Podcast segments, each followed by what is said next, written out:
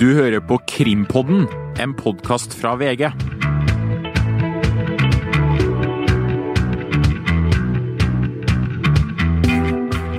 Det er enestående i norsk strafferett at en polititjenestemann med de ledende stillinger i politiet som Jensen har hatt, med ansvar for å drive etterforskning mot bl.a. narkotikaforbrytere, i en årrekke selv har gått tungt inn i forbrytersk virksomhet. Og forsettlig medvirket til den største narkotikaforbrytelse i norsk rettspraksis. Dette er altså ord henta fra dommen mot eh, politimannen Eirik Jensen og, og Gjermund Cappelen. Eh, Astrid Mæland, hvordan vil du karakterisere den dommen? Syns den er krystallklar, knusende. Eh, den er svært godt skrevet. Her bruker dommeren argumenter som Jensen har brukt til sitt forsvar mot Jensen. Tror det blir en uh, dom som det blir tungt å komme til, um, til ankesaken med i Borgarting lagmannsrett. Um, her er det mange ting som på en måte nesten er liksom svart på hvitt. Bevis. Det er uangripelig. Det er usant, slik som Jensen har framstilt det. Og det kommer ikke unna uansett. Øystein Milje, hva er det du legger merke til ved den dommen her? Eh, det første som jeg merka meg, var at eh, retten velger en for så vidt eh, kanskje litt opplagt måte å angripe det på. Og det var Heger inne på veldig tidlig i domsopplesningen. At man skulle vurdere troverdigheten til Cappelen, for det har jo vært det store spørsmålet også der ute i det offentlige rom. Er Cappelen troverdig, han som er en sånn seriekriminell? Og det skal man stille seg, det spørsmålet. Men det retten da gjorde, var jo ganske naturlig å se OK, Cappelen har en rekke påstander her. Og så får vi se hvilken av de påstandene kan underbygges av andre faktiske bevis. Og den kampen, den vinner Gjermund Cappelen ganske overlegen mot Eirik Jensen.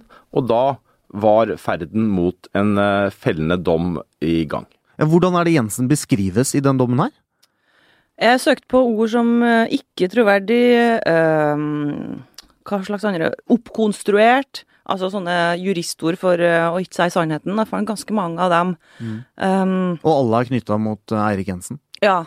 Uh, vi kan jo kanskje gå litt nærmere inn på hvert vi skal gjøre det. hver greie etterpå, men det er i hvert fall gjennomgående. sånn at jeg syns det ser ut som han nesten ikke har blitt trodd på noe av forsvaret sitt. Eirik Jensen fikk altså 21 år, mens Gjermund Cappelen fikk en straff på 15 år. Det er seks års strafferabatt for å ha tilstått og gitt opplysninger mot Eirik Jensen tre år mindre i fengsel enn det, enn det påstanden var. Hvordan tolker du det, Øystein? Eh, mange syns jo at påtalemyndigheten var for strenge med Gjermund Cappelen og med tanke på, på uh, straffereduksjon. Jeg tror nok at det var noen i påtalemyndigheten som syntes det var uh, litt motbydelig å skulle gi ham ganske mye strafferabatt. og 18 år er jo Ja, han var meget skuffet over det. Han er jo skuffet over 15 år også. Så, Bør han være det, eller? Uh, nei, ikke ut, fra, ikke ut fra hva som er uh, vanlig, men så er ikke denne saken vanlig, da. Altså, Det er ingen som noen gang har kommet til påtalemyndigheten med en uh, skitten politimann, servert uh, en rekke bevis og vært hovedårsaken til at denne politimannen ble avslørt og dømt. Så Sånn sett så kan du si det mangler totalt rettspraksis i forhold til konsekvensen og i forhold til kanskje hva man kan si er, hvis det går an å bruke uttrykket Eh, ut, resultatet da, er jo at, at, at, sånn som i hvert fall den dommen som foreligger nå, er jo at uh, man har avslørt en korrupt politimann uh, som mangler sidestykke omtrent uh, ja, i alle moderne samfunn rundt forbi. Og det er klart, det skal han da, da, da, gjelder kanskje heller ikke den vanlige opp lista mm, rettspraksisen rundt det med strafferabatt. da. Altså Det kan jo være et argument for at han skal gå under det som eh, han fikk i går også. Jeg synes bare et innspill der, jeg er helt enig med, med, med Millie om at de antagelig syns det var motbydelig. For i andre rettssaker har vi hatt møtt, møtt Cappelen og, og, hatt lite troverdighet. Men ett poeng er jo hele tida at aktoratet har hatt denne anklagen om at de har gått inn i en eller annen deal, at politiet har gått inn i en deal med Cappelen om at du skal få slippe ut. Og den er jo ubehagelig for aktoratet. Så på en måte så kan du si at det kanskje er litt eh, avslappende for dem at det er dommeren som tar den eh, oppgaven. Altså, De la jo ned påstand om en strafferabatt, de må, Etter loven så må de jo det. Eh, men at dommeren tar den oppgaven og slenger på et par år til. Veldig behagelig selvfølgelig å gjøre det på den måten. Og så må vi si en ting om Cappelen og hans straff. fordi at der har det jo oppstått en helt merkelig situasjon. Han er jo i en Han skulle, så hvis eh, påtalemyndigheten og forsvareren hans sin plan hadde gått som eh, de hadde tenkt, så hadde han nå fått en samlestraff eh, i går, eh, som gjelder både denne såkalte oppbevaringssaken, og så er det denne Jensen-saken. Oppbevaringssaken har jo også Cappelen tilstått, og det handler om masse hasj som han da har befatning med. Altså er- oppbevaring av narkotika, og denne saken med Eirik Jensen som er innførsel og grov korrupsjon. Ja. Så det er delt opp i to. Men han fikk 15 år for innførsel og grov korrupsjon. Men hva med oppbevaring av hasj? Der er han jo uh, kjent skyldig, han har tilstått, og alt er sånn sett på stell. Men det er én ting som mangler, og det er uh, en liten øh, Straff? Uh, straff. uh, ja, og det er jo et stort spørsmål. Hva gjør rettssystemet nå med den? For han skal jo da ha en straff også for den oppbevaringssaken.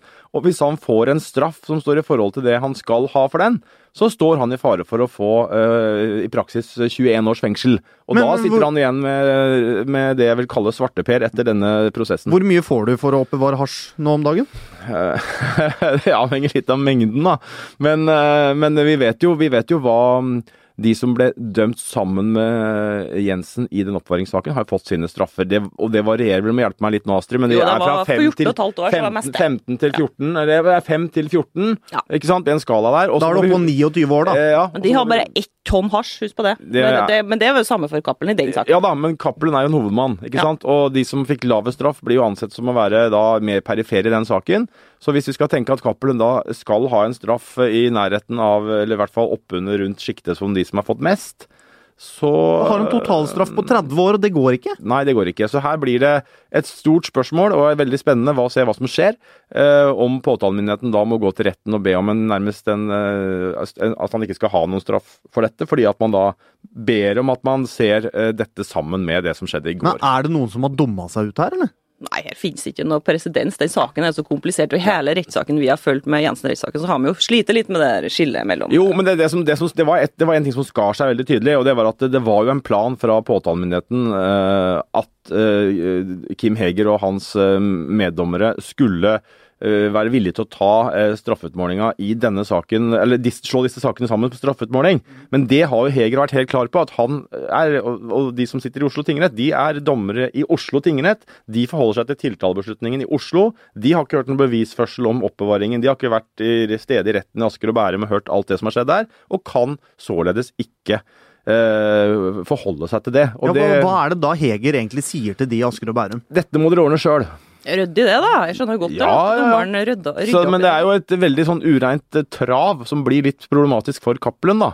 Som uh, kan ende opp med Og jeg veit jo at uh, hans forsvarer Benedicte Vive er opptatt av selvfølgelig dette her. og dette blir jo neste nå jobb for Cappelen og de Vibe. Det er, og jeg tror det er bare noen uker til at det skal avgjøres hvordan man skal håndtere dette. Så det er en eh, litt eh, merkelig situasjon som har oppstått i eh, hele dette sakskomplekset. da. Men vi skal snakke om dommen, eh, og det er jo ikke noe smoking gun her. Det er jo ikke noe fellende bevis eh, som et, et, et enkeltstående bevis. Det er jo drøyt 30 000 kroner som er funnet i en vegg hjemme hos Jensen.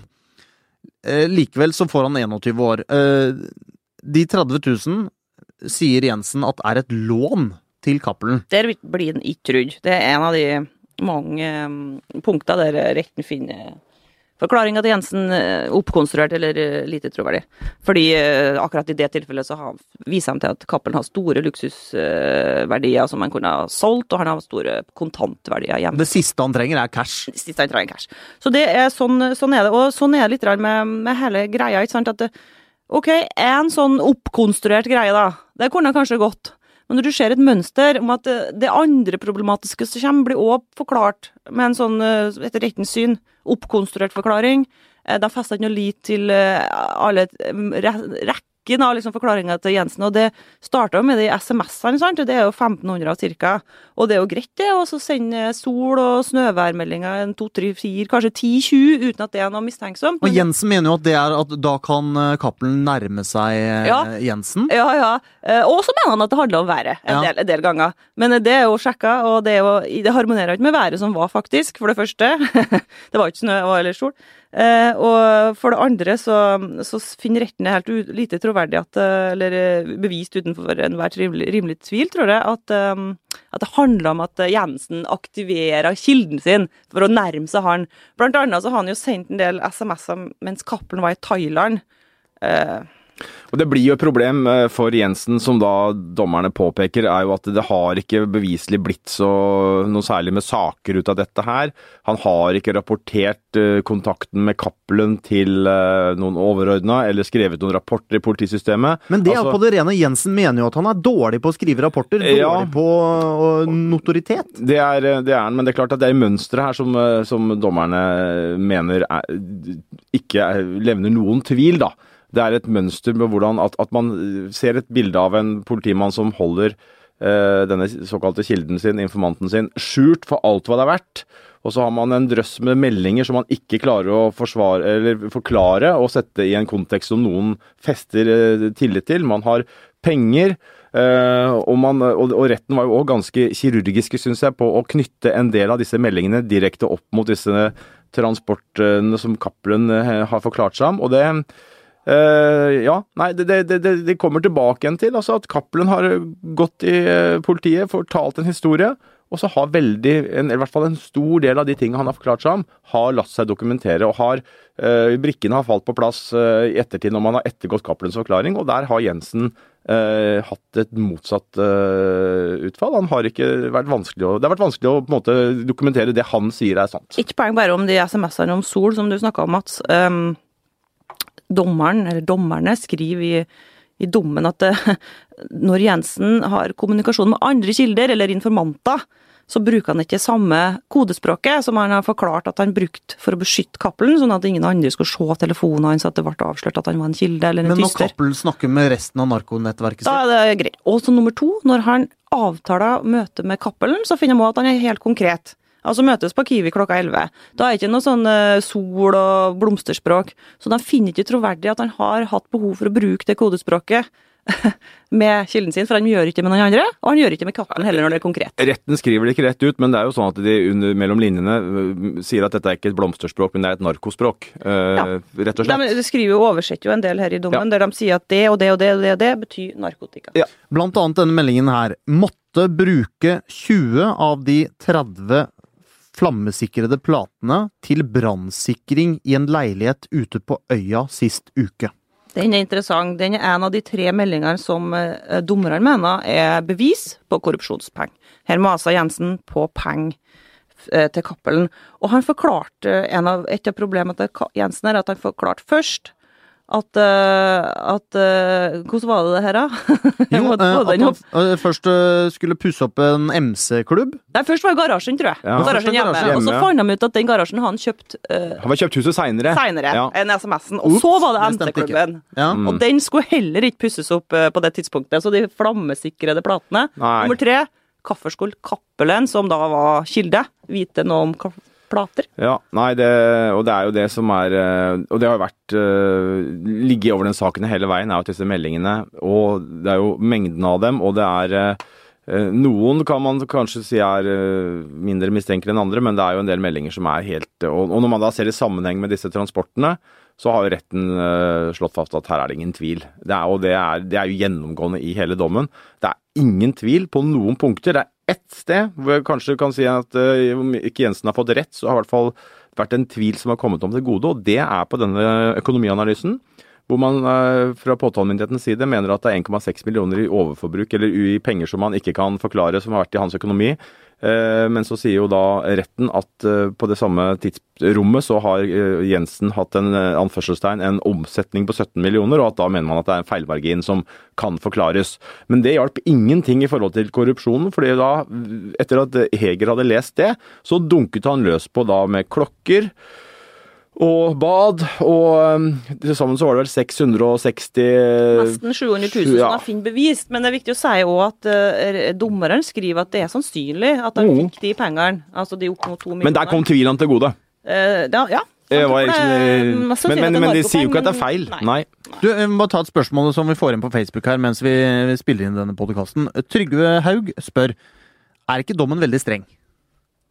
ja, den er kjempestreng. Den strengeste eh, straffen du kan få i, i, i norsk rett. Så den er kjempestreng. Men hvis en snakker om at eh, den er for streng for Jensen, kanskje det er mener at den, det er utrolig rart at, en eh, mann får, at han får strengere dom enn Ja, for det er flere som følger på her. Bjørn Fredriksen sier en som dreper, får mildere dom. Ja, ja, det der Drap skjer, er drap. Ja, det der Ja, skjer og det, det, vanlig det, diskutert. dette, ja, dette er jo en stor debatt. Og eh, altså, dommen er ikke for streng i forhold til det lovverket som ligger der. Eh, og narkotikalovgivningen er veldig streng. Eh, og denne saken har vi ikke noe som er i nærheten av når det gjelder omfang. Eh, 14 tonn, eller 13,9 tonn, det er ikke Det er ingen Det er ingen, det er, si, det er ingen nummer to, det er ingen nummer tre eh, av sånne type saker. Eh, Eh, Og så har du grov korrupsjon i tillegg, som er eh, som straffes strengt. Eh, hadde Jensen blitt dømt for bare grov korrupsjon og ikke narkotikaen, så tror jeg straffen hadde ligget på åtte-ni års fengsel.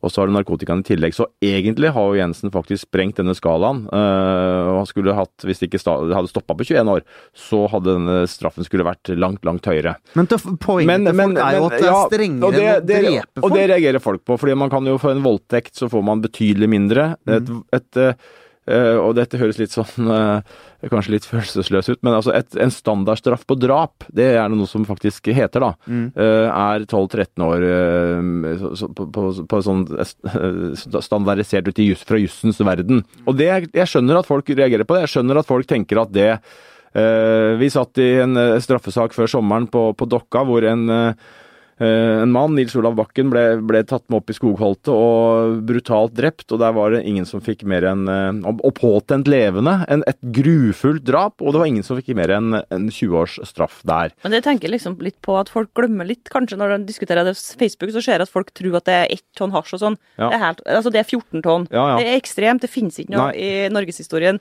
Og da makser du på en måte ut, og det er jo ikke sånn at heroin dømmes eh, mildere, like mildt som hasj. Hasj er mindre alvorlig hvis Ja det har vært normale kvantum. Ja. Men altså, det er bare at du makser ut når det er så mye. Ja, og så må man også huske at det er klart, eh, denne saken da, med eh, det som nå kan uh, si er en uh, Ut fra det dommen uh, fastslår, så er det en korrupt politimann som undergraver samfunnsstrukturer. Det er gift i samfunnsstrukturen.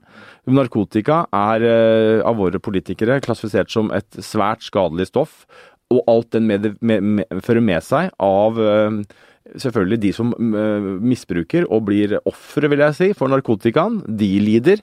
Eh, når det er så mye penger og, så, og, og kriminalitet som kombineres, så blir det også mye eh, vold potensielt, og trusler og eh, på måte kriminelle miljøer. Eh, og de forsterker hverandre jo mer, jo mer man på en måte tillater det, eller vi altså, går straffene ned, så blir det mer kriminalitet, kanskje, da, eh, innen narkotikaene. Det er dette som ligger til grunn for at det er sånn. Og så er det alltid en øvelse å sammenligne vold mot narkotika. Man kan sammenligne noen vil sikkert sammenligne det med ulvejakt og si at det straffes jo strengere enn å slå ned noen som mister tennene på byen. Hvorfor gjør det Altså, det er, det er alltid lett å argumentere den ene eller andre veien, men, men nå er lovverket sånn, og så må man da eventuelt ta en debatt på det, om det, skal være så strengt. Men det, det er i tråd Dommen er i tråd med eh, rettspraksis. En ting som jeg bare syns jeg skjer, er at uh, et hasjliberalt argument er helt greit, som vi kan diskutere, men, men jeg syns at det liksom skjer rundt i sosiale medier sånn at folk er opptatt av at, eh, at Jensen ble så strengt straffa for hasj, men det er jo ikke noen som virker som å være opptatt av at Cappelen ble strengt straffa for hasj, men han er altså da straffa for hasj. Ja. Eh, Jensen eh, står jo på sitt, mener at eh, Gjermund Cappelen var en kilde. Samtidig så mener han at denne kilden At han ikke visste at denne kilden var kriminell. Hvordan henger det sammen, Øystein? Nei, det er jo et av de store spørsmåla, og det er jo noe av det retten eh, avviser totalt. Eh, de mener at, og, de, og der er de ganske skarpe, de sier at eh, en politimann generelt bør, burde, burde fått med seg dette, at denne kilden er, må ha vært kriminell. Og så bruker de faktisk da Jensens spesielle eh, posisjon eh, og lister opp alle hans lederverv, eh, eller lederstillinger, og hans spesialkompetanse mot den tyngste kriminaliteten, som han har blitt profilert som i mange år. Ikke minst på narkotika. Ja, og sier at han, av alle, burde i hvert fall forstå at Cappelen var en kriminell eh, Så, så de, de, de avviser totalt at Så- han ikke kan ha skjønt det. Så har de jo svart på hvitt her, vil jeg si, eh, ganske mange dokument som de har funnet eh, som beviser at eh, Jensen i hvert fall eh, er langt etter at han hevda at han ikke visste at eh, Cappelen var kriminell. Visste han he, De har et møte, de har registerdokument fra det møtet fra 2000, de har et eh, register, eh, datadokument fra 2002 der Jensen skrev det samme, de har et brev som Jensen skrev til dansk politi, Hvor han skriver at han har kunnskap om narkotikakriminalitet. at Cappelen var eh, storkriminell. Ja, for, ja. ja. Og, og, og Jensen har alltid sagt at han skjønte jo det, selvfølgelig, men det var noe han mente at Cappelen slutta med på midten av 90-tallet. Men her har vi altså svart på hvitt dokumentert at, øh, at, Cappelen, øh, at Jensen øh, har kjennskap til det her. Og det er jo en god del vitner som er sitert her i dommen, som sier at det, øh, det, det her var noe alle visste. Selvfølgelig. Men eh, Lisbeth Brynildsen spør oss på Facebook at hvis det er noe alle visste, er det ikke da mange politifolk som har gjort noe gærent her? Bør ikke de gripe inn? Jo, det var et av Eldens poenger, og, da må jeg si at der, der er det jo en forskjell, fordi at Én ting er jo om du og jeg sitter uh, som eh, etterforskere og sier at å, vi tror Astrid Mæland driver med noe, vi ser egentlig at Astrid Mæland driver med noe. Og så begynner vi å snakke om hvordan skal vi ta Astrid Mæland, og vi jobber aktivt med det. og vi etterforsker henne, vi skriver rapporter, og vi nærmer oss henne, og målet vårt er å ta henne. Eh, at vi da eventuelt ikke klarer det, gjør ikke oss til eh, skyldige, medskyldige i hennes virksomhet. Eh, det som er situasjonen med, Jensen, er det jo stikk motsatte. Han har Han har jo lukket Han har jo gjort sånn, ifølge dommen, med Cappelen. Han har gjort alt han kan for å holde Cappelen vekk. Hvis det er noen som Har bare hører har lyd nå, Øystein, så må du forklare hva du gjør. Jeg holder rundt her og viser, og viser det ved at eh, man har holdt ham, holdt ham skjermet. Og det, har det, og det er det jo flere eh, vitner som har fortalt om. At de når folk har forsøkt å nærme seg Cappelen, så har jo eh, det har jo ikke vært sånn at Jensen da har eh, Å ja, så bra at flere vil være med og se hva Cappelen gjør, for det må vi jobbe med. Han har jo tvert imot prøvd å få politifolk vekk, eh, ifølge den vitneførselen som har vært i tingretten. Og det er en vesensforskjell, da, tenker jeg. Svært. Og så må huske på at eh, Asker og Bærum har ansvaret den gangen for å etterforske Cappelen, som de gjorde mange ganger. De har spaning 2000, og de ble eh, avslørt, og dommen går vel langt i å mene at det var Jensen som eh, ødela den spaninga. Eh, og Oslo-politiet de etterforska ikke Cappelen den gangen, men de var jo, det som står i dommen, er jo mange vitner fra Oslo-politiet som, som, som sier at det var selvfølgelig at vi visste det, for han var i vårt nærdistrikt. Ja. Noe annet som er, som er sentralt her, er dette badet som Jensen fikk pussa opp. Han innrømmer jo at han ikke har betalt den oppussinga sjøl, men han har forklart eh, at grunnen til det er at eh, håndverkeren ikke eh, krevde noe betaling. Det Ja. er fikk tak i. Det, og det avviste jo retten totalt at kunne være riktig. Eh, mente at han hadde var mange år han var tilgjengelig etterpå, og hans kone hadde vel vitna og sagt at han var tilgjengelig og ikke vanskelig å få tak i. Og så er det jo generelt, i hvert fall fra min ringe erfaring med håndverkere, så er det sånn at jeg stort sett ikke har det problemet at håndverkere ikke vil ha pengene sine. I tillegg så er det jo flertegg med det badet. Jensen oppga at eh, det var en, eh, en renommert eh, rørlegger som pussa det opp da han skulle selge gården. Det var mm, falskt. Det var, ikke, det var bare noe han fant på, ifølge dommen. Og han, eh, han eh, håndverkeren han levde jo i seks år eh, etter at badeoppussinga avslutta, sånn som Millie var inne på. Og ja, enka var jo, her på hun vitna i retten, og det var, hun sa det var ikke noen som sa til meg at mannen min har 120 000 kroner Men, utstående. men badet er jo et av de store problemene etter mitt skjønn for Jensen. Og en ting er jo at han ikke da har betalt den håndverkeren. En annen ting er jo denne kvitteringa som han jo måtte erkjenne. Forklaring. Eh, at han måtte skifte forklaring. Ja. Det, det, og det kan jeg si her nå, hvis jeg skal gi et råd der ute til noen som skal i, eh, forklare seg for politiet, så er det lurt å snakke sant. Eh, og det er lurt å snakke sant fra første stund. fordi at blir du tatt i løgner, så er troverdigheten din kraftig svekka. Men og, he- helt kjapt- og, og, det, og, det, og det han gjorde, var jo at uh, Cappelen Jensen sa at Cappelen hadde ikke hatt noe med dette å gjøre. Politiet fant en kvittering, eller et bilag, hvor sto Frank Olsen. Kjørte en skriftanalyse, og vips, det var Cappelen som hadde skrevet Frank Olsen. Altså fikt, eh, lagd en fiktiv eh, faktura skråstrek regning på det. Og Jensen ble da konfrontert med det og sier at vet du hva, Cappelen, vi har funnet at det er hans underskrift på denne, denne kvitteringa. Og da måtte han jo innrømme det. Og så er han da tatt med buksene nede. Og, Og det fingeravtrykk. er- Og fingeravtrykk, unnskyld. Til og med fingeravtrykk fra Ja. rørleggeren Ja. som var i ligaen til Cappelen. Og det var- dette holder kanskje for en korrupsjonsdom? Eh, Ja, det holder kanskje ikke til korrupsjonsdom, men det er klart at når du får eh, sånne den, den er ganske Den er en av de tyngste, kanskje, bevisene på at man kan Eller for retten så kan det framstå at det er et tungt bevis på at Jensen ikke snakker sant. Og når en, man da har gjort som, i hvert fall som retten har bygd opp dommen, så har man jo Så har man jo tatt punkt for punkt og vurdert Jensens troverdighet opp mot Cappelen, og så har man funnet ut at det er Jensen som ikke er troverdig, og Cappelen er det. Og så da, da, da blir jo utfallet til slutt uh, som det ble. Men hvis det var bare et bad, hvis det var bare det saken dreide seg om, så har det vært grov korrupsjon. Altså generelt. Hvis Ja. du har blitt dømt for det og tatt imot et bad fra en kriminell, så grov korrupsjon. Mm. Absolutt. Noe annet er at da politiet brøt seg inn i dette hasjlageret på Røa, som Gjermund Cappelen eh, hadde, disponerte, så var noe av det aller, aller første Gjermund Cappelen gjorde, det var å ringe til politimannen Eirik Jensen. Eller Ja. sende meldinger, være i dialog med han. Da var det avlytta telefonen, sant. Så det, Det, for, det forteller dommen eh, noe om. Jensen forklarer jo at, at han fikk vite at eh, 100 kilo hasj var blitt borte. Men, men Ja. Retten skriver det at de finner hele den eh, historien til Jensen lite troverdig òg, fordi at eh, Jensen forklarer det med at eh, han møtte Cappelen, som sa at det var en venn av han som fikk de 100 kilo borte. Og da påpeker dommerne at det er jo litt rart, at, eh, ganske rart, ja, at eh, Jensen som er narkopoliti da ikke går til politisjefene sine i Oslo og sier noe om at det har vært et stort stort hasjinnbrudd i, i Oslo, ikke legger inn noe i, i registeret, ikke begynner å undersøke kilden sin, ikke sette i gang kilden for å finne ut noe mer om det her. Han sier ingenting. Hva tenker du om det? Øystein? Nei, jeg tenker at øh, jeg lurer på det samme. Altså Hvis man tenker seg at man hadde fått en sånn opplysning som politimann, og øh, så hadde man jo løpt inn på kontoret og ropt folkens, nå er det bevegelser i narkotikamiljøet. Det er 100 kilo borte her, det er panikk i miljøet. Nå må vi ut og jobbe og få klarhet i om vi kan få hanka inn noen her for dette. Og det skjer jo ikke. Og Retten er jo ikke nådig på dette punktet og mener jo at Jensen er eh, lite troverdig. Og man mener jo også at Jensen råd, er rådgiver for Cappelen, eh, hvordan Cappelen skal få tilbake narkotikaen. og det Når man kommer på, når, når, det på måte er sånn, så, så skjønner man at da har man passert politirollen for lenge, lenge, lenge lenge siden. Det er jo den SMS-en som bygger opp om det. Ja. Men det her er en liten politiskandale, syns jeg, da. For den, eh, av, den, eh, det møtet burde vært avlytta, sånn at vi har hatt lyd, sånn at vi har hørt hva han har sagt. Så ja, Hvorfor i all verden ble ikke det møtet avlytta?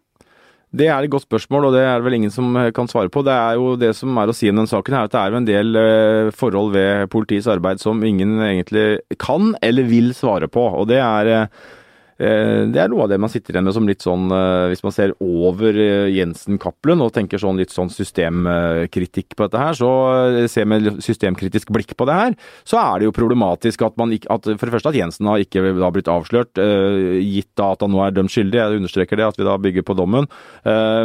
Så er det jo, men, men det er også det er, eh, det er mange forhold her. og Det er eh, varsler på Det har vært, det har vært eh, alarmer mot eh, Jensen. Man har prøvd å etterforske og, eh, og Cappelen. Og det, det, alt har kokt bort, da. Og det tenker jeg er bra. ja. Her var det jo til og med foreslått da fra um, politiet å, å avlytte det der um, møtet. Men eh, av en eller annen grunn, retten, bor, dommeren borra jo det. Han var jo opprørt over Ja, det. Ja da. åpenbart. Asbjørn Nattvik spør oss på Facebook nå. Flere hoder må vel rulle i politiet nå? Er det et godt spørsmål? Det er et godt spørsmål, og det er nettopp i forlengelsen av det vi sier nå, at øh, det har vært gjort øh, Altså, vi har hatt politifolk som har sagt at de har varsla sin overordna om at Jensen og Cappelen har hatt et usunt forhold. Og når man ettergår det, og der har jo Kim Heger vært en slags, i den grad han kan som tingrettsdommer, vært en slags gransker og hatt veldig lyst til å komme til bunns i dette, sjøl om det ikke har noe med straffespørsmål å gjøre, så, så har jo ikke, vi har jo ikke fått noen svar. Det ender jo opp med at eh, en i Asker og Bærum sier at han har gått til sin eh, sjef. eh, og så at det skal gå tatt videre til Oslo, og så når man begynner å gå opp stigen her, så, så stopper det jo, og så sier plutselig han nei, det har jeg aldri hørt. Kan Eirik Jensen eh, Kan det være flere som han i politiet? Så klart, det er jo altså, Jeg vil jo ikke tro det, jeg håper ikke det, men det kan jo så klart være det. Når det ikke er noe kontroll på det, når så alvorlige varsler ikke blir tatt alvorlig. Eh, Det er jo ganske lite tillitsvekkende at politiet altså har to sånne spesialetterforskninger som blir bare glemt, og Kripos inn og ser på Jensen. Eh, kriminelle varsler på Jensen. De snakka konkret om at han skal ha tatt penger for etterretningsinformasjon. Det er, det er så mange varsler, internt og eksternt, som bare det er jo ikke, og det er jo ikke bare Jensen hele tida, altså det er jo andre involvert òg. Vi bare kan ta kjapt. eh, altså en eh, situasjon hvor politiet får beskjed om at det er eh, eh, tips om en, en kar som driver med 400 kilo narkotika, eh, og eh, en eh, sjef i Oslo sier at dette, og Jensen, dette gjør vi ikke noe med. Eh, og så blir denne politimannen som sitter med tipset så oppgitt at han tar kontakt med svenskene.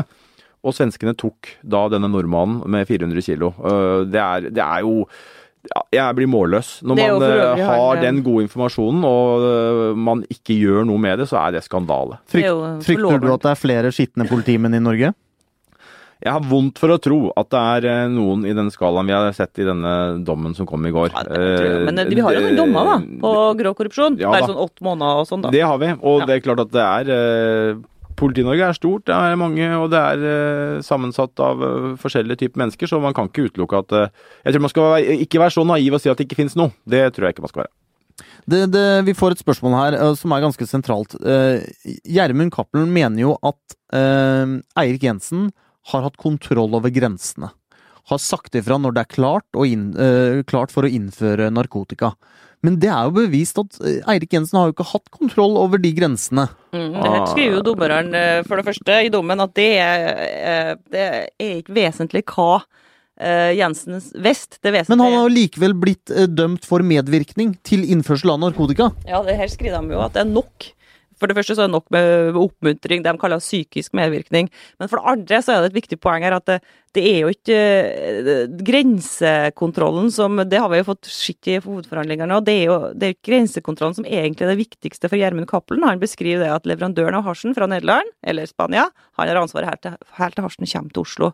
Da overtar Cappelen ansvaret. Så det viktigste for Cappelen, sånn som han forklarer det, er at eh, at eh, når en trailer blir stoppa på Svinesund, at, eh, og de kontakter Oslo-politiet, som da skal spane på kureren og ta dem inn til Oslo for å avsløre bakmenn i Oslo. For det er sånn Ja. politiet ofte jobber. Men, med, ja, men, men, medvirkeransvaret i strafferetten er veldig strengt. Uh, og vi har jo flere dommer opp igjennom hvor folk uh, flest kanskje har syntes at det har vært strengt bedømt. Men det er jo ikke sånn at altså, Det er for det første nok at Cappelen har trodd at Jensen har hatt kontroll. Eh, Jensen behøver ikke ha hatt kontroll. Eh, og så er det også sånn at Retten påpeker jo at eh, om ikke Og det er jo ingen som eh, vel mener at Jensen har hatt kontroll over grensa, men det Jensen har hatt tilgang til, det er jo de situasjonene hvor man har på grensa stoppa en last, starta en etterforskning, så har dette med en gang blitt slusa inn til Oslo. Og, og der har Jensen sittet midt i smørøyet med tanke på å få informasjon. Eh, og retten peker jo på, vi var inne på tidligere, på flere episoder hvor man mener at eh, Jensen eh, varsler Cappelen om at enten ikke han har Altså, hvis Jensen ikke har fått noe beskjed i en mappe på sitt bord en mandag om at det skjer noen ting, så er det ganske trygt for Cappelen å holde på her i Oslo. Da er det stille, rolig. Det er sånn retten slår det fast, ja. Um, John Christian Elden uh, mener at det er uh, hva var det han sa, mellom 99,9 og 100% sjanse for at det blir en anke. Ja, Ja. det blir jo det. Det, Det er ikke overraskende. Man har det. ingenting å tape, Og så sier Elden også at retten kunne like gjerne komme til motsatt konklusjon. Er dere enig i det? Eh, vanskelig å se det. Ut fra argumentasjonen så er jo ikke Altså full frifinnelse, er det det han mener? Ja, det er klart, han la jo ned påstand om det, så det er ikke Ja. overraskende at han sier det. Nei. Men uh, Forsvaret har vel kanskje ikke klart helt å, helt å levere det, da. Hvordan vil dere karakterisere den jobben som Elden og co. har nå, da? Eh, Tøff. Ja. Formidabel. Og det er klart øh, Å gå inn i en ankeforhandling med en så knusende dom i, eh, på bordet, det er vanskelig. Men det, for all del. eh, det er eksempler på at det har skjedd eh, selvfølgelig at et utfall i tingretten har blitt stikk motsatt i, i lagmannsretten. skal det så- kanskje være Det er litt usikkert ennå, men det kan hende at det blir en jury i, i Borgarting. Det, den juryordninga er ikke helt eh, Det kommer litt an på når den skal opp. Ja, og så vil det være litt sånn det, Men klart at altså, bevisene er jo, ligger jo der som de gjør, men eh, det er jo litt avhengig av om Cappelen øh, Om det blir anke så han blir tiltalt i denne saken, eller blir han vitne? Om det kan endre noe dynamikk og åpne noe for forsvarerne i forhold til at settingen blir litt annerledes. Altså Det har jeg ikke tenkt så mye over, men det kan hende at det blir en litt annen ramme rundt den saken. Og så varsler jo Elden at de nå Uh, og det er jo et uh, det forstår jeg. altså Man har nå fått en dom. Uh, man vet ikke helt hva man går inn i når man starta i januar. Nå har man dratt gjennom hele saken, hørt alle vitnene, hørt alle bevisene i den konteksten. Og så har man fått en dom. Og nå vet man mye mer hva man står overfor når man skal i lagmannsretten. Man vet hva vitner har forklart, og hvordan de framstår, og hvor sikre de er. For man har politidokumentene, men det er helt noe annet å høre vitner live. Nå har man gjort det, og kan eh, nå evaluere alt det man sjøl har gjort, hva vitnene har gjort, og hvordan påtalemyndigheten har lagt opp denne saken. Og så kan man komme inn i lagmannsretten med en spissa taktikk, som man da, som Elden sa i går, vi tapte dette slaget, men vi håper vi skal vinne krigen. Og det er vel et godt uh, uttrykk på hvordan lagmannsrettsbehandling av denne saken blir, for det er da det virkelig gjelder. Hvorfor anka ikke Jensen på stedet?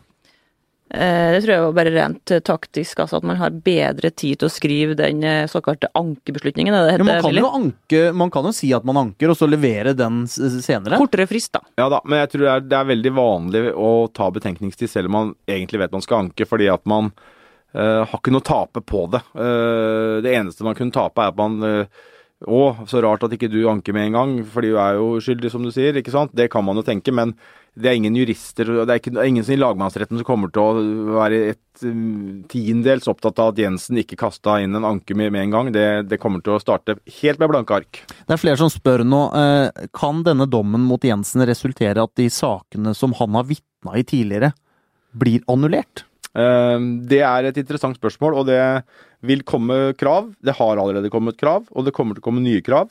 Og jeg tror at man ikke vet svaret på det. Man, Fordi Jensen har vært kronvitne for å få fengsla en del kriminelle opp gjennom tiden? Det har han, og det blir helt sikkert eh, undersøkelser, etterforskning, granskning rundt akkurat de spørsmålene her. Men uh, det er klart det ikke kan utelukkes. Når en eh, tingrett, fem dommere, slår fast at en av Oslo-politiets mest sentrale politifolk, en i ledig posisjon, har vært gjennomkorrupt og samarbeida med kriminelle i så mange år, så er det klart at man ikke kan, kan ikke bare si at dette får ingen betydning for noen andre saker. Det ligger jo en mistanke under her, vil jeg tro, hos de, de som uh, prøver å få saken sin gjenopptatt, gjenopptakelseskommisjon, at at uh, Jensen og Cappelen har samarbeida om å få utradert Cappelens uh, narkokonkurrenter. Ja, ja. Ikke sant? At de da kunne ha framprovosert ja, ja. smugling, f.eks. Bare for å tenke høyt. Å, ja, ja. Det er et mm. åpenbart uh, argument for alle de som føler at de har fått Eller mistenker at de har blitt utsatt for noe sånt. Helt klart. sånn som denne dommen er skrevet og argumentert for, så kan man ikke utelukke at Jensen og i samarbeid med Cappelen har eh, påvirket sånn at eh, folk har blitt dømt for ting som eh, hvor det skulle sett annerledes ut. Det, det, er også sitert i dommen vitne som har vært inn, kriminelle vitne, som har eh, som motiv å, å, snakke om Jensen eh, og Cappelen at eh, nettopp det at de føler at eh, de to har rotta seg sammen mot andre kriminelle for å ta ut kriminelle, sånn at Cappelen skal få ha markedet, narkomarkedet for seg sjøl. Vi må snakke om noen av detaljene, noen flere detaljer i denne dommen her.